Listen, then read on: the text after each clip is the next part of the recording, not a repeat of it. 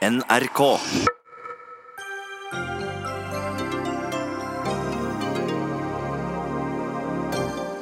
Smarte byer, smarte hjem og smart med megaraskt mobilnett. Men er det også megasmart teknologi for å minke forskjellene mellom by og land? Syntes du heftig vær og natur i 2019 ga deprimerende fremtidsutsikter? Velkommen til et enda dystrere 2020. Hvordan skal vi forholde oss til klimadystopien? Den økonomiske nedturen kom ikke i år heller, så da kommer den vel nå, da? Eller? Og inn i det valgfrie 2020 snubler regjeringspartiene og Arbeiderpartiet med færre velgere på slep enn på veldig lenge, men han lattermilde Senterpartilederen sprader enda blidere inn i det politiske året.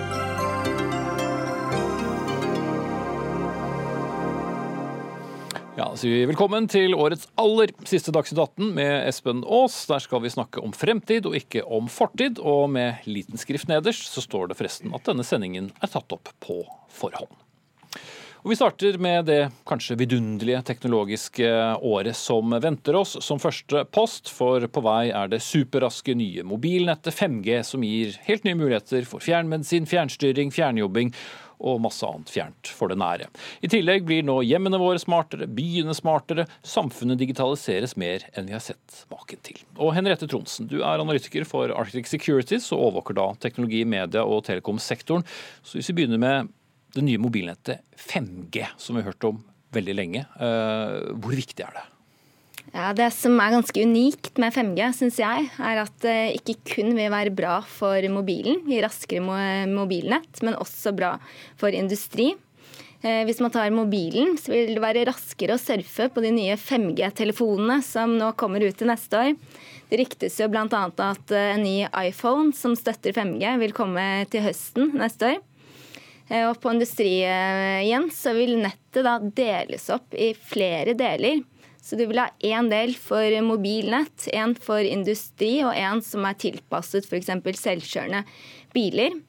Eh, og det vil åpne opp for at stadig flere ting vil være da også connected. Eh, eh, flere sensorer og ting som vil være koblet til internett. Åpne opp for alt fra smarte byer, smarte hjem.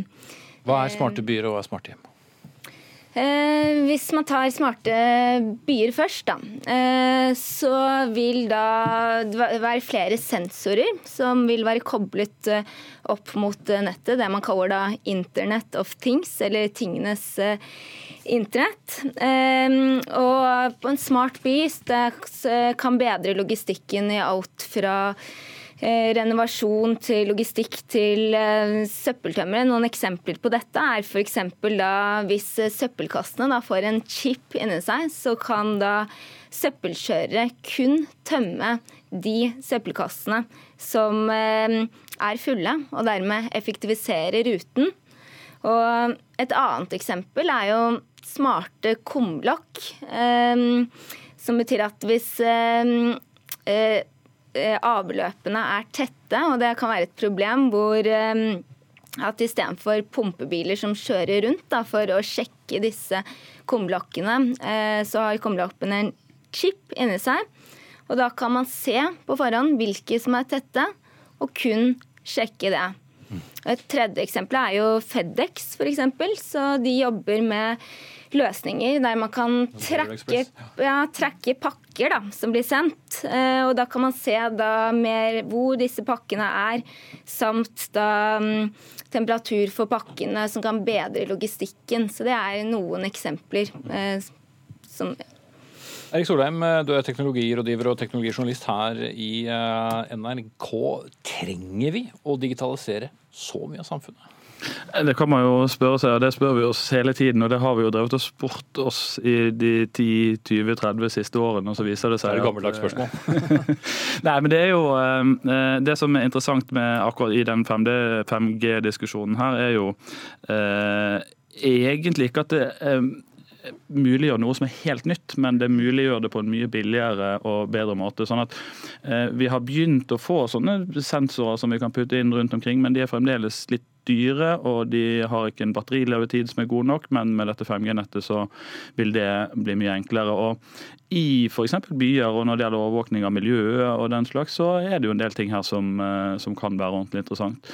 Og også innenfor transport. Um, det andre med 5G-nettet som er interessant, er at det er eh, en ting er at det er raskere, altså høyere datarate, men det er så å si null forsinkelse. sånn at det er en del ting som vi ikke har kunnet gjøre med mobil tidligere, når det gjelder spesielt transporter og biler. Hvis du skal ha en bil som sier fra til bilen bak om at nå bremser jeg, så bør den si fra umiddelbart, og ikke sånn et halvt sekund etterpå.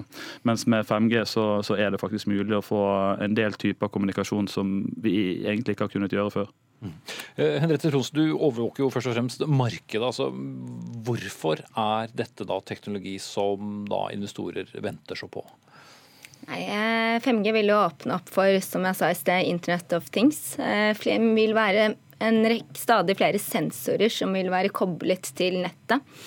Og det både innen da kort rekkevidde, som vi ser i dag, med at eh, f.eks. en smartklokke er koblet opp til mobiltelefonen din via Bluetooth, men også sensorer som går på lengre rekkevidde. Og Det kan åpne opp for en del nye bruksområder. Eh, et eksempel her er jo et selskap eh, som jeg møtte, som jobber med da sporingsbrikker for katter og hunder. Så i fremtiden så vil man jo se f.eks. da istedenfor de store, tunge GPS-målerne som man bruker på jakthunder, at det vil komme da mindre brikker som vil være betydelig mer strømeffektive enn dagens eh, brikker, og mindre, som du kan sette på eh, halsbåndet. Og det jeg syns også er interessant, at det vil jo Teknologi vil jo Eh, påvirker jo sektor etter sektor og vil få enda større innvirkning fremover. Eh, bare i en ny OE-rigg eh, så er det rundt 100 000 sensorer i dag som måler det meste i real time. Og så kan du se på andre bransjer som eiendomsbransjen f.eks. Så med den veksten man vil se i data fra 5G, så er det kanskje ikke Eh, dataselskap som vil se dette først, men kanskje eiendomsselskap med strategiske plasserte eiendommer for dataselskap ser dette først. Så det vil opp i denne bredden syns jeg er ganske interessant. da. Men noen skal jo også eie denne teknologien. Erik Solheim. Åpner vi nå opp eh, byer, lokalsamfunn og ikke minst hjemmene våre for ja, big data og for eh, store selskap? I aller høyeste grad. og Det er jo en av de tingene som, eh, som året som har gått, har vist oss at eh, tilliten til en del dataselskap har gått ned. Det er litt av denne eh, generelle teknologioptimismen som, som har blitt sett litt mørkere på når det gjelder akkurat de tingene med personvern og mulighet for å hacke seg inn på systemer. og Datasikkerheten blir jo da bare viktigere og viktigere. Og Så må vi også se på hvem er det som, som skal eie disse dataene, og hvem er det som skal ha kontroll på alle disse her chipene og systemene. Og, og når skal vi sette krav til uh, selskaper om at ja, men disse dataene må dere dele, for hvis dere deler de dataene, så er det andre selskaper som kan nyte godt av det. Uh, så det er ganske mange store og viktige spørsmål og avgjørelser som, som må tas på utover selve teknologien, men som går på regulering og, og hvem som skal ha kontroll på dette. Mm. Er det plass til all den dataen? Eh, ja, ehm, det vil jo være sensorer som bruker mye strøm, og sensorer som bruker lite strøm. Eh, men på 5G så snakker man også om det man kaller edge computing, eh, som egentlig betyr da, at dataene blir behandlet i en ting, f.eks. inni en temperaturmåler. Og så sender man kun dataene videre hvis det skjer en endring som man har bestemt på forhånd. Så det vil bli mer brukt i 5G, tror jeg. Digitaliseringsminister Nikolai Astrup fra Høyre, burde vi være litt forsiktige med å digitalisere nærmest alt? Det ligger fantastiske muligheter i digitalisering, og ikke minst i kombinasjonen av 5G, kunstig intelligens og tingenes internett så tror jeg det kommer til å åpne opp for helt nye anvendelsesområder. og Vi har så vidt vært innom noen eksempler på hva som kanskje kan skje, men jeg tror vi bare skraper i overflaten, og at eh, vi ikke helt tar inn over oss hvilken endring eh, kombinasjonen av særlig disse tre teknologiene kan få på samfunnet vårt, og hvilke muligheter det kan gi både til bedre og mer treffsikre offentlige tjenester, for økt verdiskaping, nye arbeidsplasser eh, og mange spennende innovasjoner som forbrukere kommer til å få glede av etter hvert. Så, så her ligger det mye spennende, men vi skal ikke ukritisk digitalisere for digitaliseringens skyld. Men det er altså, for F.eks. så eksperimenterer Kina nå med eh, fjernkirurgi basert på 5G-teknologi. Det er klart, I en diskusjon om tjenester nær folk, så, så er fjernkirurgi et veldig spennende og interessant eksempel. Men det forutsetter at vi har god teknologi, og jeg synes jo det er viktig at Norge er tidlig ute. Eh, i utrullingen av 5G. Vi er altså det første landet i Europa hvor alle teleselskapene har valgt eh, sine leverandører og er klare for kommersiell utrulling. Telia har sagt at de skal ha et kommersielt 5G-nett eh, nasjonalt dekkende innen 2023. Og Telenor har også store ambisjoner på dette området. Ice, også etter hvert. Så, så, dette her eh, betyr at vi kan være tidlig ute. Og Kina og USA gjør fantastisk mye. Det er ikke noe tvil om det, ikke minst innenfor kunstig intelligens. Men det har først og fremst vært forbrukerrettet. Jeg tror innenfor industrielle anvendelser og offentlig sektor-anvendelser av kunstig intelligens og i kombinasjon med 5G, så har Norge og Europa en mulighet til å hevde seg eh, og ligge foran. Mm. Marit Arnstad, parlamentarisk leder i, i, Senterpartiet. Vi har jo snakket mye gjennom 2019 eh, om forskjell på by eh, og land. Tenker du at dette kan være noe som vil omsider kanskje begrense avstanden? Ja, altså Det ligger jo enorme muligheter i, i det som utvikler seg i teknologi, og 5G er liksom et eksempel på det. Eh, så er jeg litt spent på om vi som samfunn kommer til å bruke de mulighetene f.eks. til å, bidra til tjenester nær folk, eller til å desentralisere tilbud. Eh, jeg tror nok at det er også en risiko knytta til denne utviklinga her. Det er en risiko for at du skaper økte skiller og økte kløfter i det norske samfunnet. Eh, pek på tre. For Geografi er ikke det eneste, men geografi er en av dem. At dette, I stedet for å bli brukt til å desentralisere og, og gjøre ting nærmere folk, så kan det bli brukt til det motsatte, nemlig å sentralisere tjenester. Eh, det andre skillet som jeg er litt bekymra for, det er jo skillet som går mellom generasjoner. Som vi i alle fall må ha litt respekt for, syns jeg, i de neste par tiårene som er foran oss. Eh, at det er et stort skille mellom dem som i dag har vokst opp og, og, på en måte starta skolegangen med, med, PC, iPad og, og, iPhone, og dem som på en måte nest, kanskje ikke engang i arbeidslivet har brukt det før de pensjonerte seg. Altså Det skillet, generasjonsskillet er viktig. Eh, og så er det selvsagt skille altså litt sånn litt sånn tematikk om hvor vi bruker det når det gjelder velferd, er noe jeg litt opptatt av. Jeg ser jo at her har han ønsker om å knytte opp mot helse og helseteknologi. Jeg tror det finnes en god del muligheter der. Men jeg tror samtidig at det er også et sårbart område. Fordi det er et område der du også vil trenge på en måte varme hender, og der du ikke kan basere deg på at du skal liksom sende inn målinger eller, eller gjøre ting på egen hånd, og så skal sykehuset på en måte få dataene fra pasientene eh, ut der. Så enkelt vil det ikke være i en del av de mest omsorgsretta eh, områdene våre. Så vi må passe oss for eh, faren for å lage nye kløfter eller skiller i samfunnet, men samtidig det ligger veldig mange muligheter. Mm. Og Astrup, eh, ja, Man kan jo finne gode argumenter for ikke å holde på alle offentlige kontorer. Vi har hatt en liten debatt gjennom 2019, eller slutten av 2019 for eksempel, om, om kemnerkontorer, hvorvidt man trenger dem. og Jo mer du kan digitalisere, jo lettere kan man kanskje finne på å legge ned. Jeg, jeg, tror jo tvert om at dette handler om å kunne frigjøre ressurser til de oppgavene hvor eh, bare mennesker kan gjøre en god jobb, eh, og sørge for at vi får et mer treffsikkert og bedre tilbud til innbyggerne ved å ta i bruk ny teknologi. Så det handler egentlig om å være på lag med fremtiden og med folk, og, og bruke de mulighetene som ny teknologi, ny teknologi gir. Så, så her, så, så, jeg, så jeg er ikke bekymret for det. Og så er det slik at vi står overfor noen ganske store samfunnsutfordringer i årene som kommer, ikke minst demografisk. Eh, så vet vi at i 2033 kommer det antagelig til å være flere mennesker over 65 år enn det er mellom 0 og 19 år i Norge. Hvis vi skal få ressursene til å strekke til og vi skal opprettholde et bærekraftig velferdssamfunn, så har vi ikke noe annet valg enn å tenke nytt om hvordan vi bruker de ressursene vi har. For det kommer ikke til å være mulig å bare kaste kaste penger etter problemer. Vi er nødt til å se på hvordan vi bruker de pengene vi har, og få mest mulig og best mulig tjenester ut, ut av de pengene. Så dette er helt avgjørende. Eh, men det er klart, Senterpartiet er jo et parti som i sin tid var mot Post i butikk, så de har jo alltid vært ganske konservative når det kommer til nye ting. Det viste seg å være en kjempesuksess, eh, og jeg tror nok også at vi må ta inn over oss at teknologien er kommet. Men det med generasjonskløften, det skal vi ta på alvor. Men nå er det 96 av den norske befolkningen som bruker digitale banktjenester. Så vi har kommet langt, og vi har kommet lengst av eh, landene i eh, Europa på mange Kjenner du noen prosentandel av dem som banner hver gang de gjør det også. Eh, Marit Arnstad. Altså Høyres trang til å på en måte sette merkelapper på Senterpartiet den er der jo hele tida, så den skygger av og til for en ganske viktig debatt. Men, men jeg synes jo at, at når vi snakker om 5G, for eksempel, vi snakker hele tida om den spisse enden. Hva du på en måte kan klare å gjøre med den teknologien, ikke minst hva industrien kan klare å gjøre. For jeg tror at 5G fortsatt så tror jeg at 5G i første omgang blir et viktig verktøy for industrien. Eh, men vi må òg huske på en måte eh, hva som ligger i bunnen. Det er altså 400 000 av oss som sier at vi ikke føler oss så veldig gode på data. Det er 260 000 husstander i Norge som ikke har tilgang til høyhastighets bredbånd fortsatt. Og en stor andel av dem ligger i mitt fylke, bl.a. Eh, det er 75% altså, I Trøndelag er det bare 75% av offentlig forvaltning som har tilgang til høyhastighets bredbånd. Det, det, er bare litt over 80% av de skolene, barneskolene og videregående skoler. Vi må iallfall ha det som et grunnlag å forholde oss på. Og så må vi diskutere hvordan digitaliseringa også skal utvikles på en sånn måte at vi ikke øker skillelinjene, øker kløftene i samfunnet. Og da tror jeg god tilgang er veldig viktig. Respekt for generasjonene.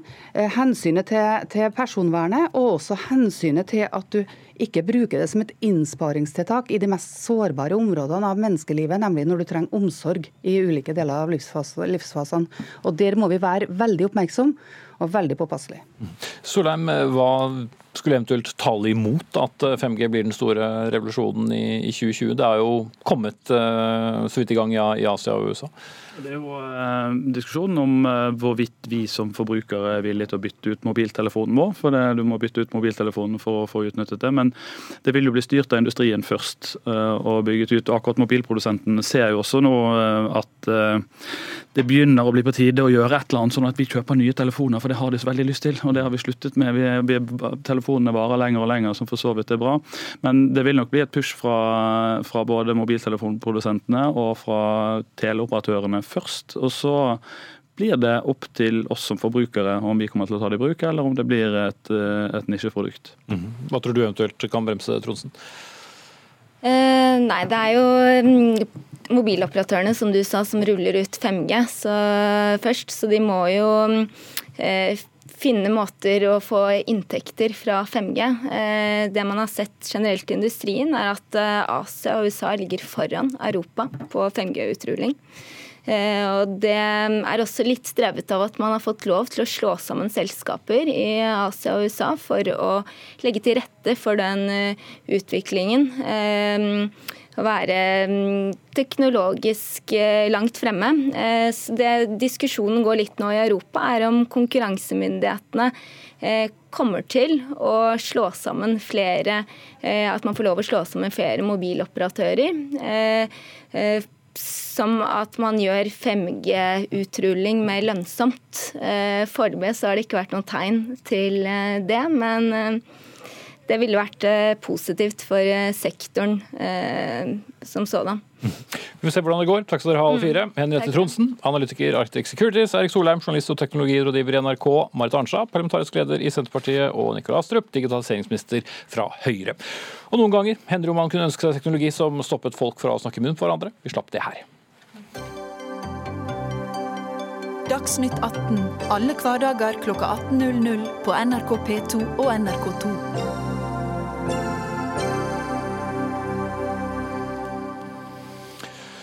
Og det året vi nå legger bak oss, ble vel kanskje også det året hvor veldig mange for alvor tok inn over seg at det er eh, klimaendringer. Folk så dramatiske skogbranner i mange land, hetebølger på 50 grader i India, issmelting på Grønland og polene, og ikke minst orkanen som herjet på Bahamas.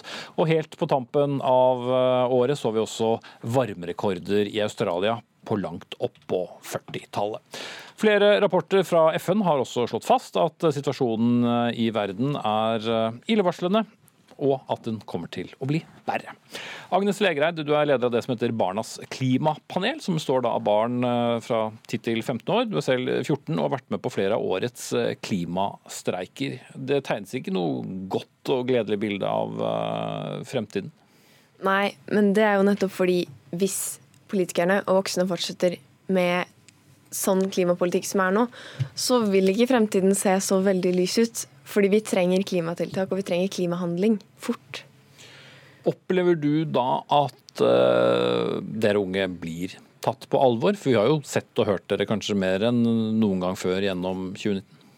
Jeg syns vi har fått til mye som er stort. Vi har fått til mye oppmerksomhet rundt klimasaken. For som du sa, så det veldig, har det vært veldig mye oppmerksomhet rundt det i år. Men vi har også gått inn i forskjellige ting med større forhåpninger og kommet ut ganske skuffet. Som f.eks. de klimatoppmøtene regjeringen arrangerte for unge i, høst, nei, i vår etter den første klimastreiken. Der ble vi ganske skuffet etterpå, fordi da følte vi at det bare var en slags prakt for dem å kunne klappe oss på hodet og si at det var fint at vi engasjerte oss, men likevel late som de brydde seg, og så vil ingenting komme ut av det. Og så hadde vi også ganske store forventninger før klimatoppmøtet nå i Madrid. Da hadde vi jo trodd at Norge skulle ta et enda større ansvar enn de gjorde. Men de fleste viktige beslutningene ble jo bare utsatt til neste år. Mm.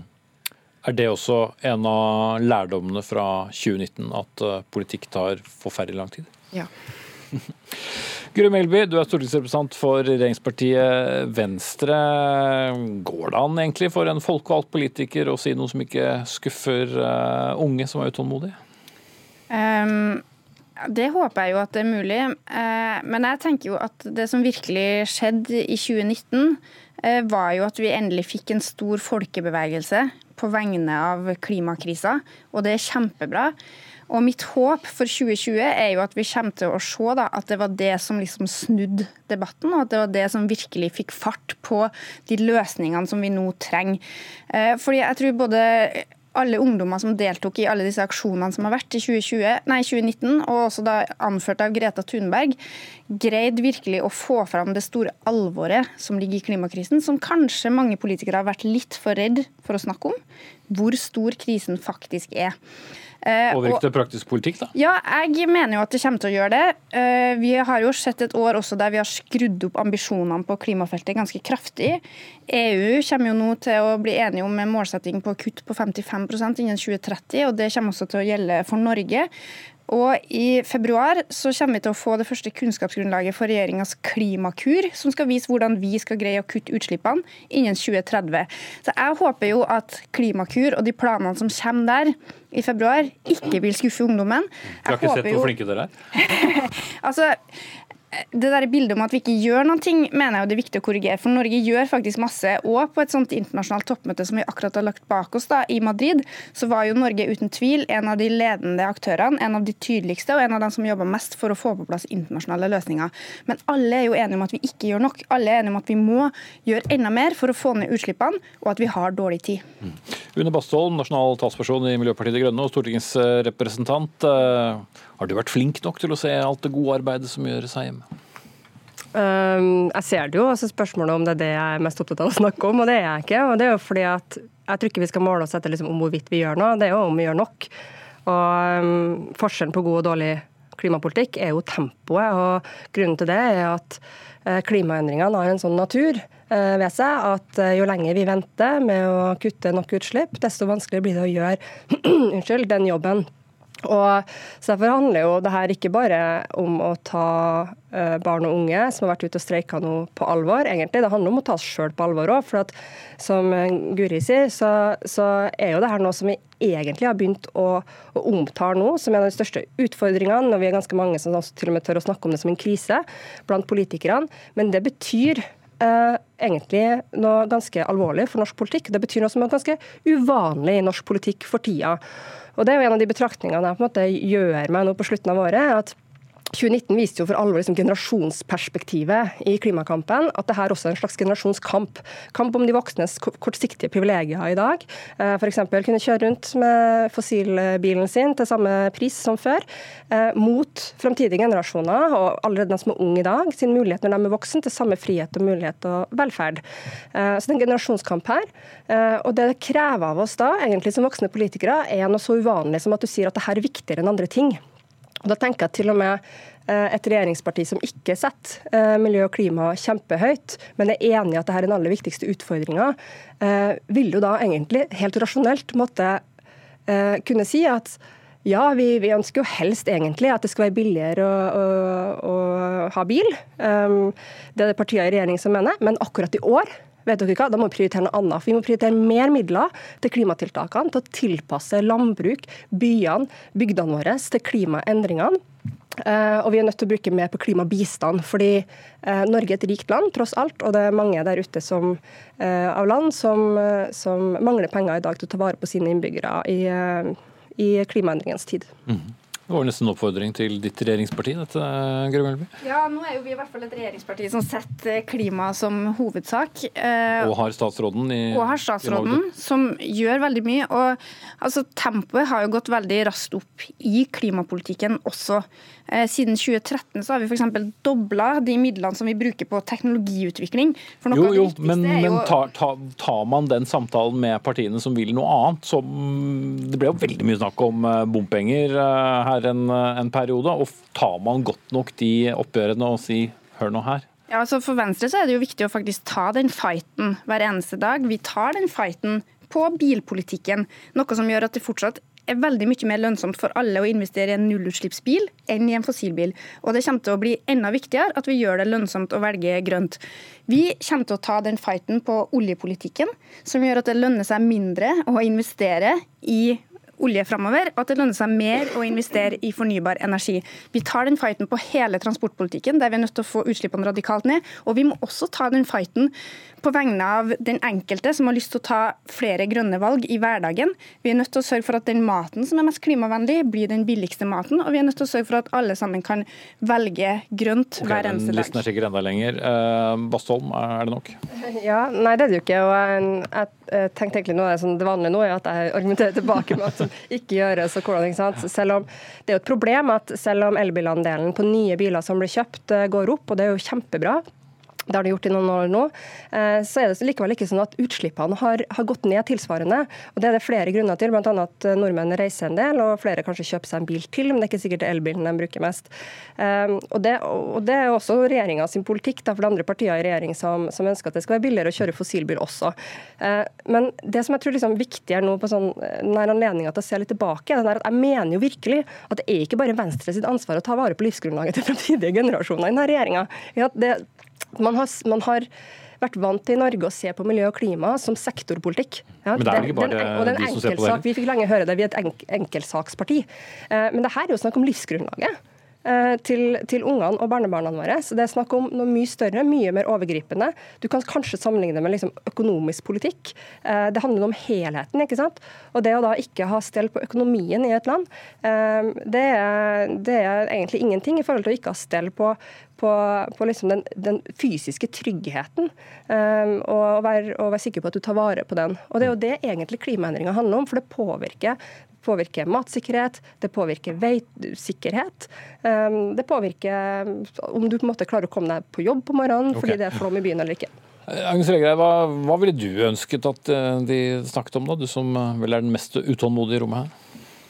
Um, jeg syns at det UNE sier er veldig riktig, at klimasaken er så mye større enn det man kan tro. Det handler jo om livsgrunnlag for kommende generasjoner og for alle i hele verden. Så jeg syns at det er rart at det går så sakte. Fordi man har jo visst om at dette kommer til å skje så lenge også. Så jeg syns det er veldig bra at det som har skjedd med klimabevegelsen, at den har blitt så stor, jeg synes det er bra at det har skjedd, men det burde skjedd mye tidligere. Og jeg føler at altfor mye ansvar lempes over på oss unge. Men altså, hva ville du sett, da? At de stengte ned norsk oljesektor i, i morgen? For at du virkelig så tiltak? Jeg vet jo at det ikke går an å stenge ned norsk olje i morgen. Men jeg vil veldig gjerne at det skal skje så fort som mulig, og at man skal ikke bare tviholde på sin gamle politikk, men også åpne opp for nye måter å se det på. Mm. Jeg skal ta inn en fjerdeperson som er på oss, eh, med oss på linje fra Tønsberg, nemlig deg, professor i filosofi, Arne Johan Vetlesen. Du har vært veldig opptatt av generasjonsaspektet. Og Hvordan tror du dette engasjementet som nå har startet eh, dette året, vil holde seg fremover i klimaspørsmålet? Ja, Det skal bli svært eh, spennende å se. Nå sa Greta Thunberg rett før toppmøtet i Madrid egentlig har vi ikke oppnådd noe som helst. og Hun vil vel da gjenta det også nå, når man så at Madrid-møtet langt på vei var, eh, var mislykket. Det brakte i hvert fall ikke den nødvendige fremgangen. Så jeg kan vel eh, se for meg i hvert fall to mulige responser hos de unge slik saken står nå. Den ene er eh, sinne, som kan føre til eh, mer aktivisme og flere streiker, og kanskje mer sosial sivil ulydighet. Radikalisering, flere engasjerer seg i Extinction Rebellion osv. Eller at det vil skje en tilbaketrekning, en resignasjon Eh, kanskje med overgang til eh, depresjon. Vi prøvde, og vi prøvde veldig hardt, og vi snakket og brølte veldig høyt, men vi ser at det ikke nytter.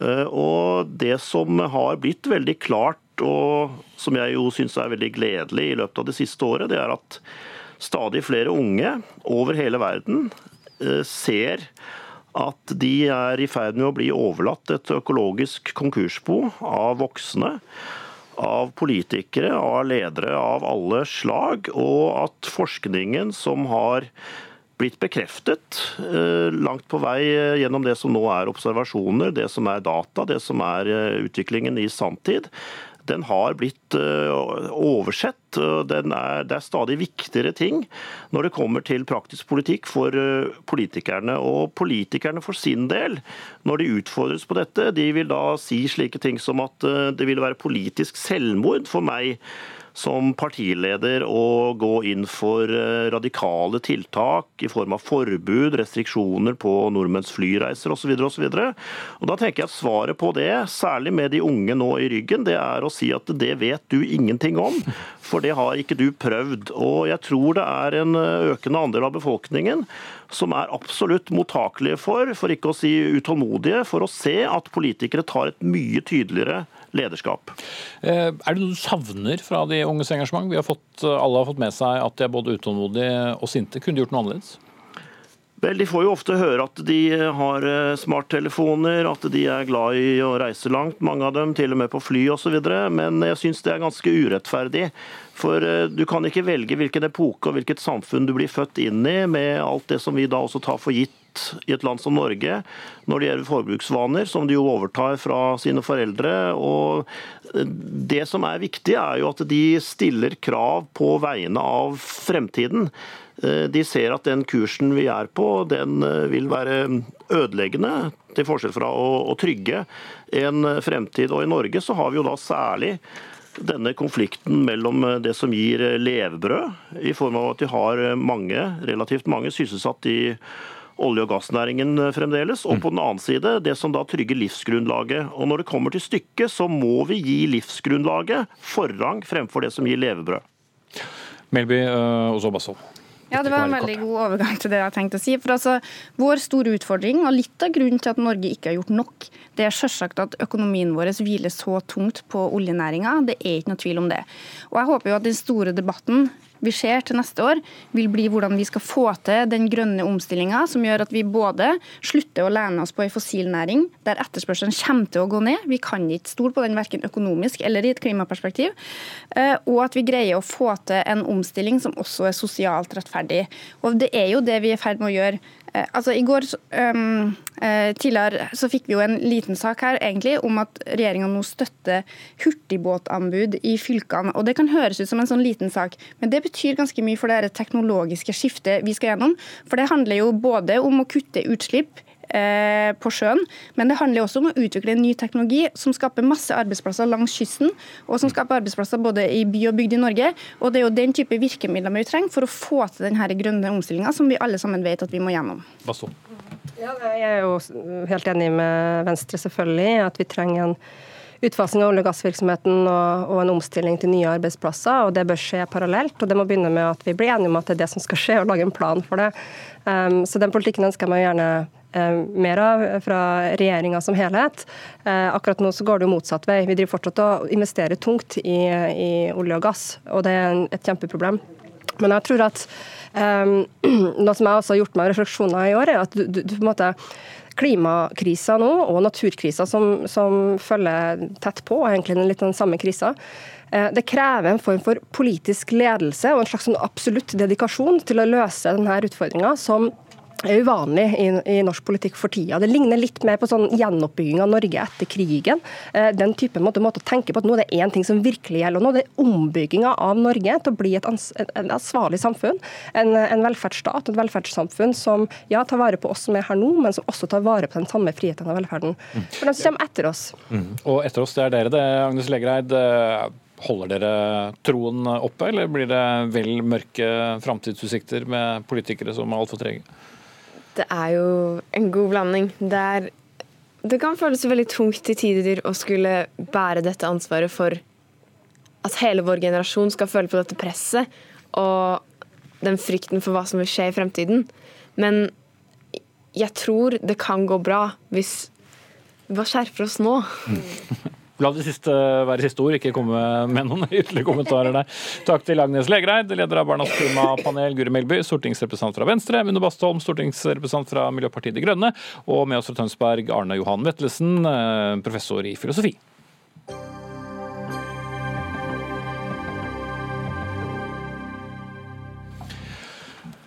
Den eh, store internasjonale økonomiske nedturen uteble i 2019, må vi vel noenlunde trygt kunne tørre å si på tampen av eh, året. Men så var det neste år, da. Brexit blir en eh, realitet om, om, bare noen uker, samtidig som mye fortsatt er uavklart i forholdet mellom de økonomiske supermaktene Kina og USA. Og Den økonomiske veksten er ventet å bli langt mindre enn antatt også i mange land.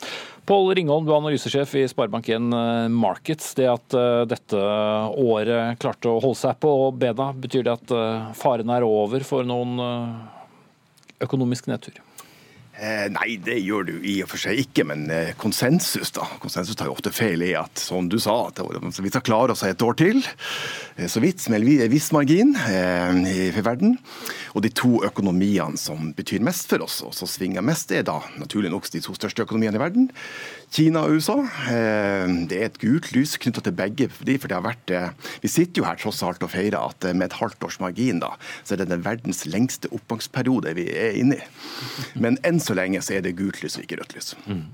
Så har vi da brexit som nevnt, som jo satte i gang veldig mye usikkerhet i markedene tilbake til 24.6.2016. Men er det så mye usikkerhet knyttet til den og f.eks. da eh, Europas finansmarked? finansmarkeder? Hvis jeg tar bare finans, så sitter jo her folk som kan politikk uendelig bedre enn meg. da. Eh, så var noe av det finansmarkedet var mest bekymra for, det var en en, eh, en Kornby med rattet som var villig til å implementere sin politikk. Det ville vært svært, en Corbyn, til og med, ja. Ja, det er svært destruktivt for, for, for, for den britiske økonomien. Nå ble det ikke det. Um, og verdens sjette største økonomi, som UK er, da, PT, eh, kan selvfølgelig bli et problem i løpet av de neste tolv månedene, hvis det på slutten av neste år ikke kommer til en enighet med den handelsavtalen de trenger. Men jeg tenker at mest sannsynligvis så gjør det det. Det blir masse støy, men så klarer det om, om enn det tar lengre tid enn ett år. Mm. Økonomikommentator her i NRK, Cecilie Lange Becker. Det har da gått eh, elleve år siden eh, den store, store eh, nedturen. Er det alltid gitt at det skal komme en ny? Nei, det er jo, Jeg hørte um, analysesjefen i SSB han sa for noen uker siden at det er jo ikke sånn at uh, disse oppgangskonjunkturene dør av alderdom. Det er, jo, det er jo ikke sånn at de, dør bare fordi de har blitt elleve år gamle, at historien uh, sier, kanskje skulle indikere at uh, de skulle dø. Uh, men, uh, men, jeg syns det er viktig å huske på også at i løpet av 2019 så har vi jo liksom balansert helt på kanten av stupet, og vi har liksom vært i ferd med å bli pushet over, bl.a. pga. denne, denne handelskrigen mellom USA og Kina. Så det å liksom avblåse hele Altså at det er noe fare for nedtur neste år, det er kanskje litt, eh, litt tidlig?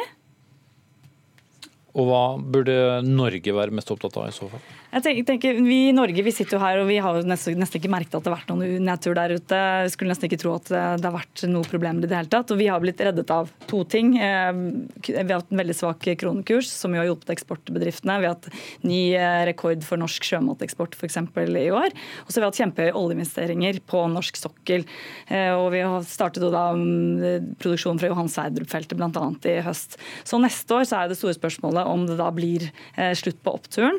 Vi kommer fortsatt til å ha god hjelp av kronekursen, men så er det dette med oljeinvesteringene som sannsynligvis kommer til å bli ganske mye eh, lavere. Så mm, det er, det er liksom de to tingene som blir det som er mest spennende. Og når jeg sier at eh, oppturen kanskje er ferdig, så betyr det ikke at vi får en stor nedtur i norsk økonomi. Det betyr bare at vi nærmer oss med nullpunktet, som jo faktisk er det man prøver på med både finanspolitikken, altså statsbudsjettet, og pengepolitikken eh, gjennom renten. Man prøver å holde seg så nærme som null som mulig, så man ikke får svære svingninger og store utslag. Men Men med et tiår da, Ringholm, med veldig lave renter over hele verden og hele tiden litt den der angsten for at den oppturen vi ser skal, skal bremse opp, har det, har det, gjort noe med finansmarkedene som sådan? At de har blitt mer forsiktige enn det veldig ekspansive tiåret som, som lå forut? Um, så finansmarkedene generelt, hvis jeg går til verdens største kapitalmarked, som er det amerikanske eh, markedet, så er en, en, en portefølje av investeringer som ligner veldig på oljefondet, helt lik som oljefondet, er på sitt dyreste på 140 år. Eh, eh, så deres atferden til finansmarkedet at jo lengre tid det har gått, jo større risiko vi har tatt, og dyre har investeringene har blitt. Og en interessant implikasjon av det for det neste tiår rundt omkring i verden er eh, at satt på spissen, du kan si adjø til din pensjon. Det er selvfølgelig veldig overdrevet, men det kan du i mange, andre, mange land rundt omkring i verden, fordi at de lave rentene gjør at du ikke klarer å få den forrentninga, den avkastningen du må ha for å dekke pensjon. Du blir rett og slett ikke rik av null, altså nullrente. Og Det er eh, en kjempeutfordring da, åpenbart for, eh, for, veldig mange land, og også hvis da mye er investert i, i andre verdipapirer som, eh, som, ikke nødvendigvis kommer til å bli mer verdt. Nettopp. Så det der blir en stor internasjonal utfordring. Altså utfordring i veldig mange land fremover. Mm. mm. Eh, Lange Bekker, det blir jo advart og advart og advart om at eh, det kan komme en nedtur, og så kommer det ikke nå. Eh, hvorfor er det så vanskelig å forutsi? Akkurat som finanskrisen i 2008, så, sånn, så kommer det alltid noen etterpå som sier at dette, dette, så vi komme, men eh, det var jo ingen som så det før det var for sent. Det er et godt spørsmål. Det burde egentlig heller gått til prognosemakerne, ja. men, men det, er jo, det, er jo, det, er jo, kjempevanskelig å spå det, hvordan det kommer til å gå, selvfølgelig. Men, men jeg snakket faktisk litt med, med Pål om det rett før vi gikk inn i studio her også også f.eks. hvorfor er kronekursen så svak nå? Det er jo egentlig ingen som kan forklare hvorfor vi det hadde kommet dit nå, selv i etterkant når vi har en veldig svak kronekurs. Det kalles det store kronemysteriet. Så det er jo eh, mulig at Pål Elik har et bedre svar på spørsmålet. Ja. Jeg får si veldig kort. Eh, et fun fact her nå i romjula er at IMF har da dekt eh, de dekker ca. 200 land i verden. Og siden 1988 har det vært 469 resesjoner, nedturer. Kun 0,8 eh, av de har det varsla på forhånd, og det er i følgende land. Papua Ny-Guinea, Ecuador, Ny-Guinea og Nauru. Verdens tredje minste nasjon. Vi skal trekke det hele litt hjem. Henrik Asheim, du er leder av finanskomiteen på, på Stortinget fra Høyre. 2020, er det et Norge som den regjeringen du tilhører, har, har rigget for en, eh, en nedkjøling? Nei, men vi er forberedt på det. Eh, det skriver vi også i nasjonalbudsjettet. og Det er grunnen til at man bruker bare 2,6% av handlingsrommet også i, i, av oljepengebruken. Da. Det er jo fordi vi både skal holde igjen, altså ikke få for store svingninger eller varme opp økonomien for mye, få for høy renteoppgang f.eks., men også at vi har en krigskasse klar. Vi kan innenfor handlingsregelen bruke 40 40 milliarder mer enn vi gjør. Eh, og Det er ikke noe mål å gjøre det, men det betyr at hvis du skulle få et tilbakeslag i norsk økonomi, så er vi forberedt også på å drive motkonjunkturpolitikk, slik Norge har gjort før.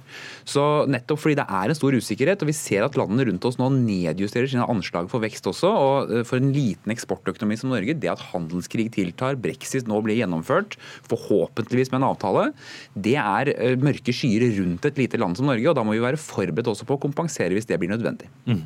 Bjørnar Moxnes, Moxnes, eh, stortingsrepresentant og leder av Rødt. Eh, går du inn i 2020 beroliget eh, av den ansvarlige pengepolitikken til sittende regjering? Vi har omtrent da, samme oljepengebruk som regjeringa i vårt alternative budsjett, så der ligger vi forholdsvis likt. Men det som de kanskje ikke akkurat rigger norsk økonomi for, det er jo, er jo konsekvensene av, av klimakrisa. Altså at vi skal kutte utslippene våre, halvere dem innen 2030, gå i null innen 2050. Vi må omstille oss vekk fra oljeavhengighet og over til mer fornybare næringer. Og Der er det et stykke å gå, mener vi. Altså, vi ser jo at De store summene, investeringene, de går i all hovedsak til å øke prisene i boligmarkedet. Det er altså ti ganger mer investeringer over ti år der enn det er i norsk industri samla. Det er tegn på at det er noe galt med hele systemet for beskatning av, av, bolig. Og Det andre er at vi kan risikere å gå glipp av f.eks. et stort norsk havvindeventyr, altså for eksportretta industri, ved at ikke staten går inn tungt nok og sikrer at at vi kan bli verdensledende på det feltet her. Så Rødt er på en måte uenig med Høyre eh, når det gjelder behovet for en, en aktiv statlig næringspolitikk. De er mer eh, passiviserte, mener vi.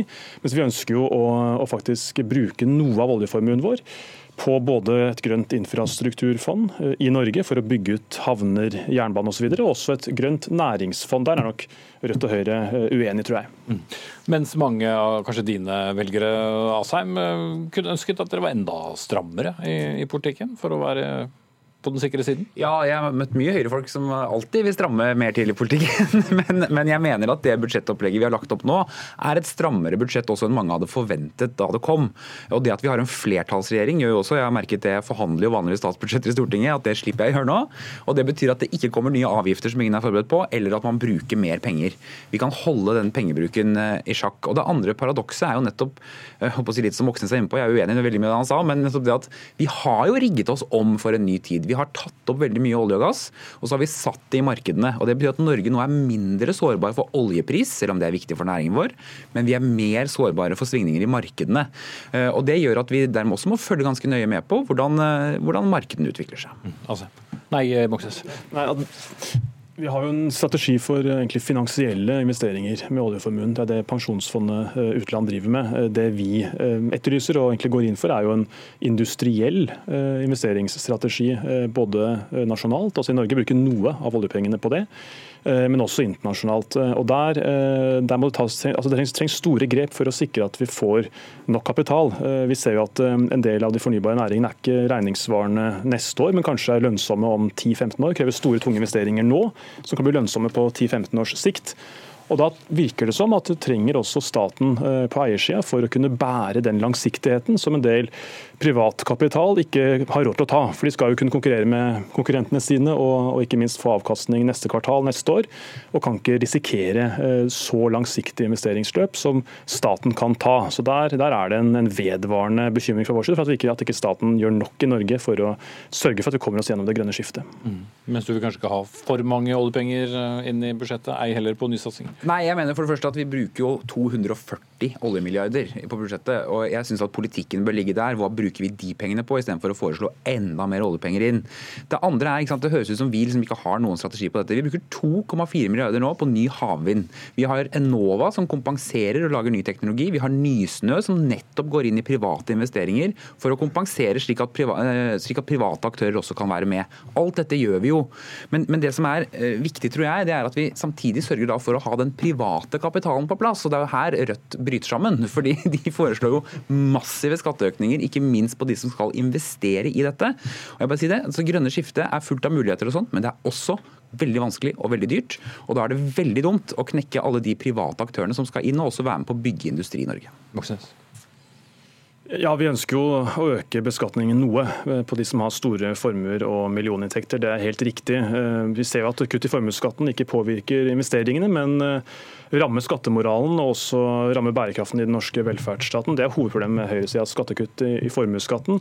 Vi har nå 26 milliarder kroner mindre til disposisjon, eh, altså til velferd, eh, i årets budsjett enn vi hadde før skattekuttene begynte under Erna Solbergs regjering. Så hvis eh, målet er å øke investeringslysten, er ikke formuesskattekutt svaret. Og hvis også målet er å sikre bærekraften, så er det i hvert fall ikke svaret å altså svekke statskassa så mye som Høyre gjør gjennom sine skattekutt, som i all hovedsak har vi sett, eh, går til de som eh, har aller mest. Eh, Cecilie Lange Becker, når vi kommer på nyåret, hvilke selskaper og hvilke sektorer er det du er mest spent på å følge med på? Oi. Eh, ja, altså, eh, det blir jo veldig spennende å se, spesielt oljeinvest altså, eh, oljeinvesteringene neste år. Hvordan eh, de kommer til å utvikle seg. Nå ser det ut til at det blir litt bedre enn man hadde tenkt når man startet på 2019. At det kommer til å bli en bra utvikling eh, der. Og så syns jeg jo hele klima versus oljedebatten, som jo ikke er sektorspesifikk, men jeg tror at den kommer vi til å, å, å måtte stå enda mer i. Jeg merker det bare selv i min jobb. Det er vanskelig vanskelig å snakke om oljebransjen uten å snakke om også klimautfordringene. Da blir man utfordret eh, av, eh, av, de unge. Så jeg tror at eh, den kommer til å bli enda mer gjeldende enn neste år, hvis det er noe som på en måte kommer til å prege oss. Mm. Og en analysesjef som deg, Pål Ringholm, hva kommer du til å, å, se etter for å se om du har rett eller feil når det gjelder dine spådommer? Altså, hvor er, hvor, hva slags indikatorer er du opptatt av? Det er en lang liste av ting, selvfølgelig. da, og Jeg jobber mest i rentemarkedet. Så En av tingene som er spennende, altså, som ingen tror kan komme, det er om, om f.eks. inflasjon kan komme tilbake i USA. For det vil ha noe med rente å gjøre. Ellers i aksjemarkedet, for å følge opp, da, som sagt her, så er en av tingene som er spennende i finansmarkedet, det er om det har blitt putta for mye kapital inn i grønne investeringer, sånn at det blir så dyrt at det blir en sånn IT-boble som sprekker. Ja, det er vel sånn med økonomi at det er lettere å fastsette prisen på noe enn verdien, kanskje. Takk til uh, Pål Ringholm, analysesjef i Sparebank1 Markets, økonomikommentator her i NRK, Cecilie Langen Becker, Bjørnar Moxnes, leder av Rødt, og Henrik Asheim, leder av finanskomiteen på Stortinget fra Høyre.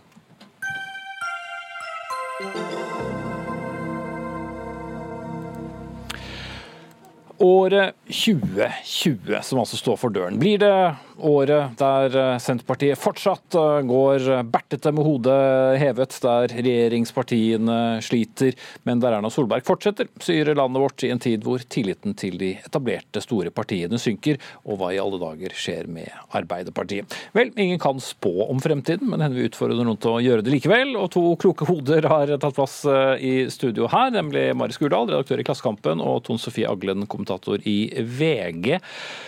Rett før jul så fikk vi en liten endring i eh, regjeringen, Tone Sofie Aglen. Men hvis vi skal gjøre opp en slags status, hvor, hvor står norsk politikk etter 2019 med, med lokalvalg og store endringer i velgermassen? Jeg tror mange vil si at det har vært et uh, rart år. Uh, Erna Solberg uh, fikk jo oppfylt sin store drøm om en borgerlig flertallsregjering, men vi tror vel ikke at det ble noen hvetebrødsdager etter det.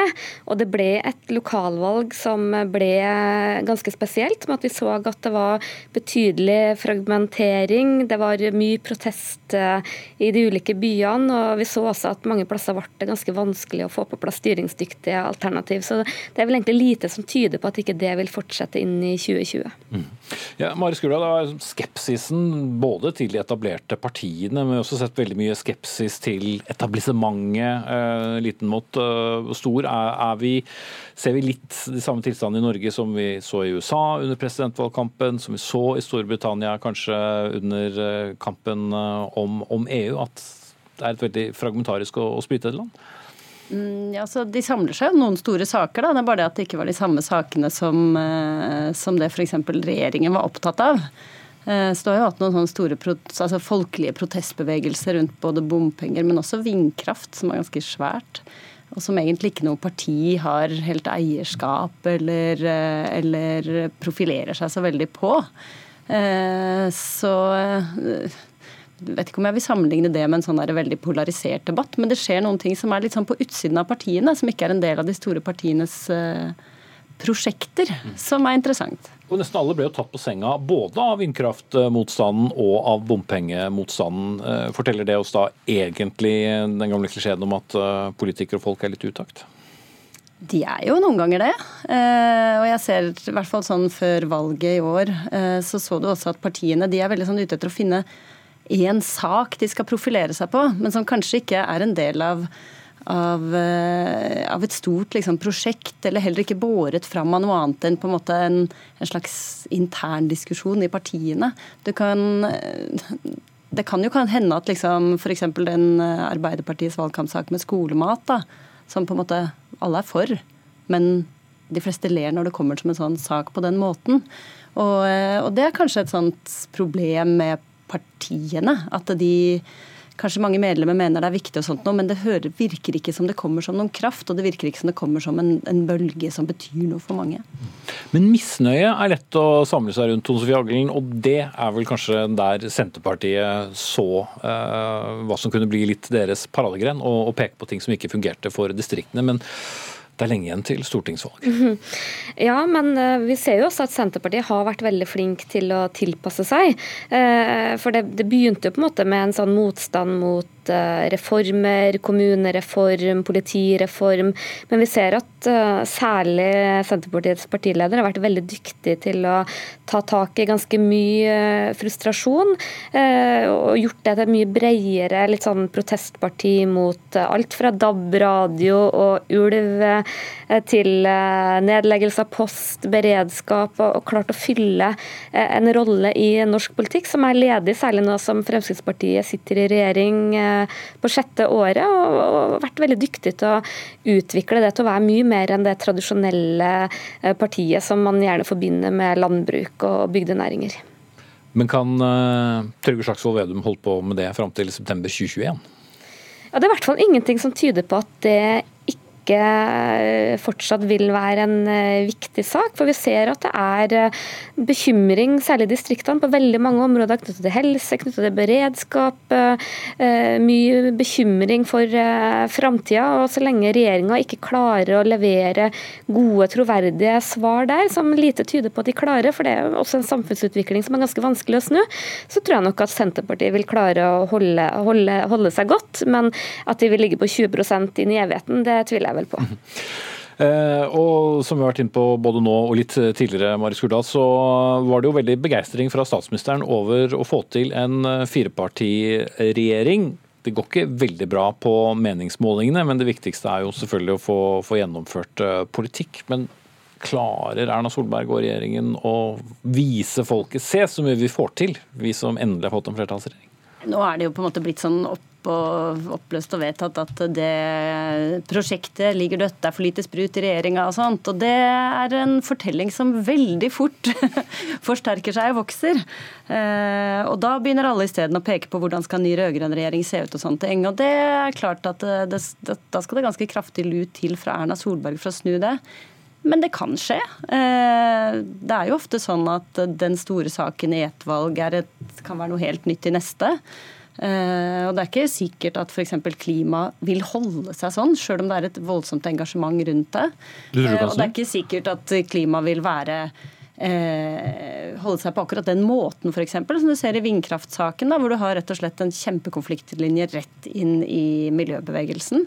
sånn at, ja Altså, jeg er forsiktig med å spå om framtida. Ja. Eh, men hvis man skal eh, tenke nettopp på opposisjon, da, et, et eh, alternativ til dagens regjering til 2021, som for all del er langt frem, men da har vi et ganske skamslått Arbeiderparti etter to valg som de gjorde veldig dårlig. Et kjempesterkt Senterparti, og, men likevel en venstreside ellers som har funnet fotfeste. Det blir jo noe helt nytt, det også? Ja, absolutt. Og selv om det er mye uro rundt eh, Erna Solberg sitt regjeringsprosjekt, så er de i det minste samla. Jeg tror alle fire partiene eh, ser en nytte i å i hvert fall prøve så langt det bærer å holde sammen.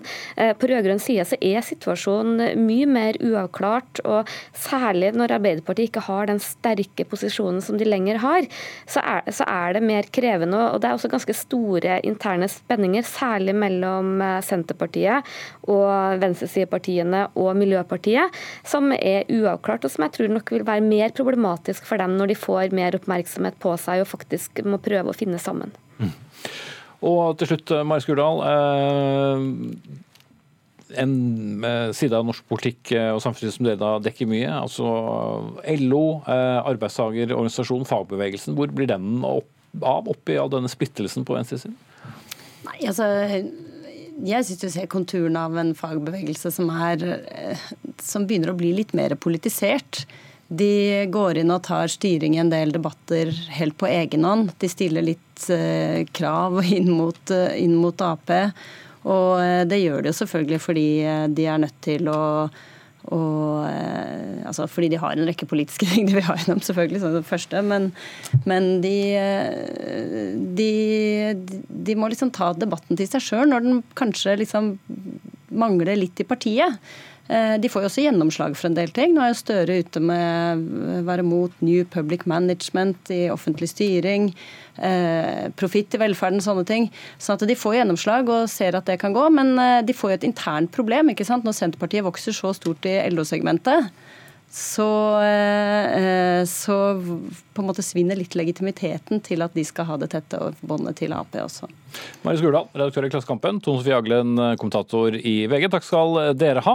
Det var årets aller siste Dagsnytt 18, det. Og for ordens skyld, denne ble gjort i opptak før ribbe, pinnekjøtt, torsk og nøttestek julifiserte landet. Men vi har da sending i Norge, har vi ikke det? Ansvarlig for den, Anne Katrine Førli. Teknisk ansvarlig, Hanne Lunås. Jeg heter Espen Aas, og vi ses allerede på torsdag. Helt fersk sending.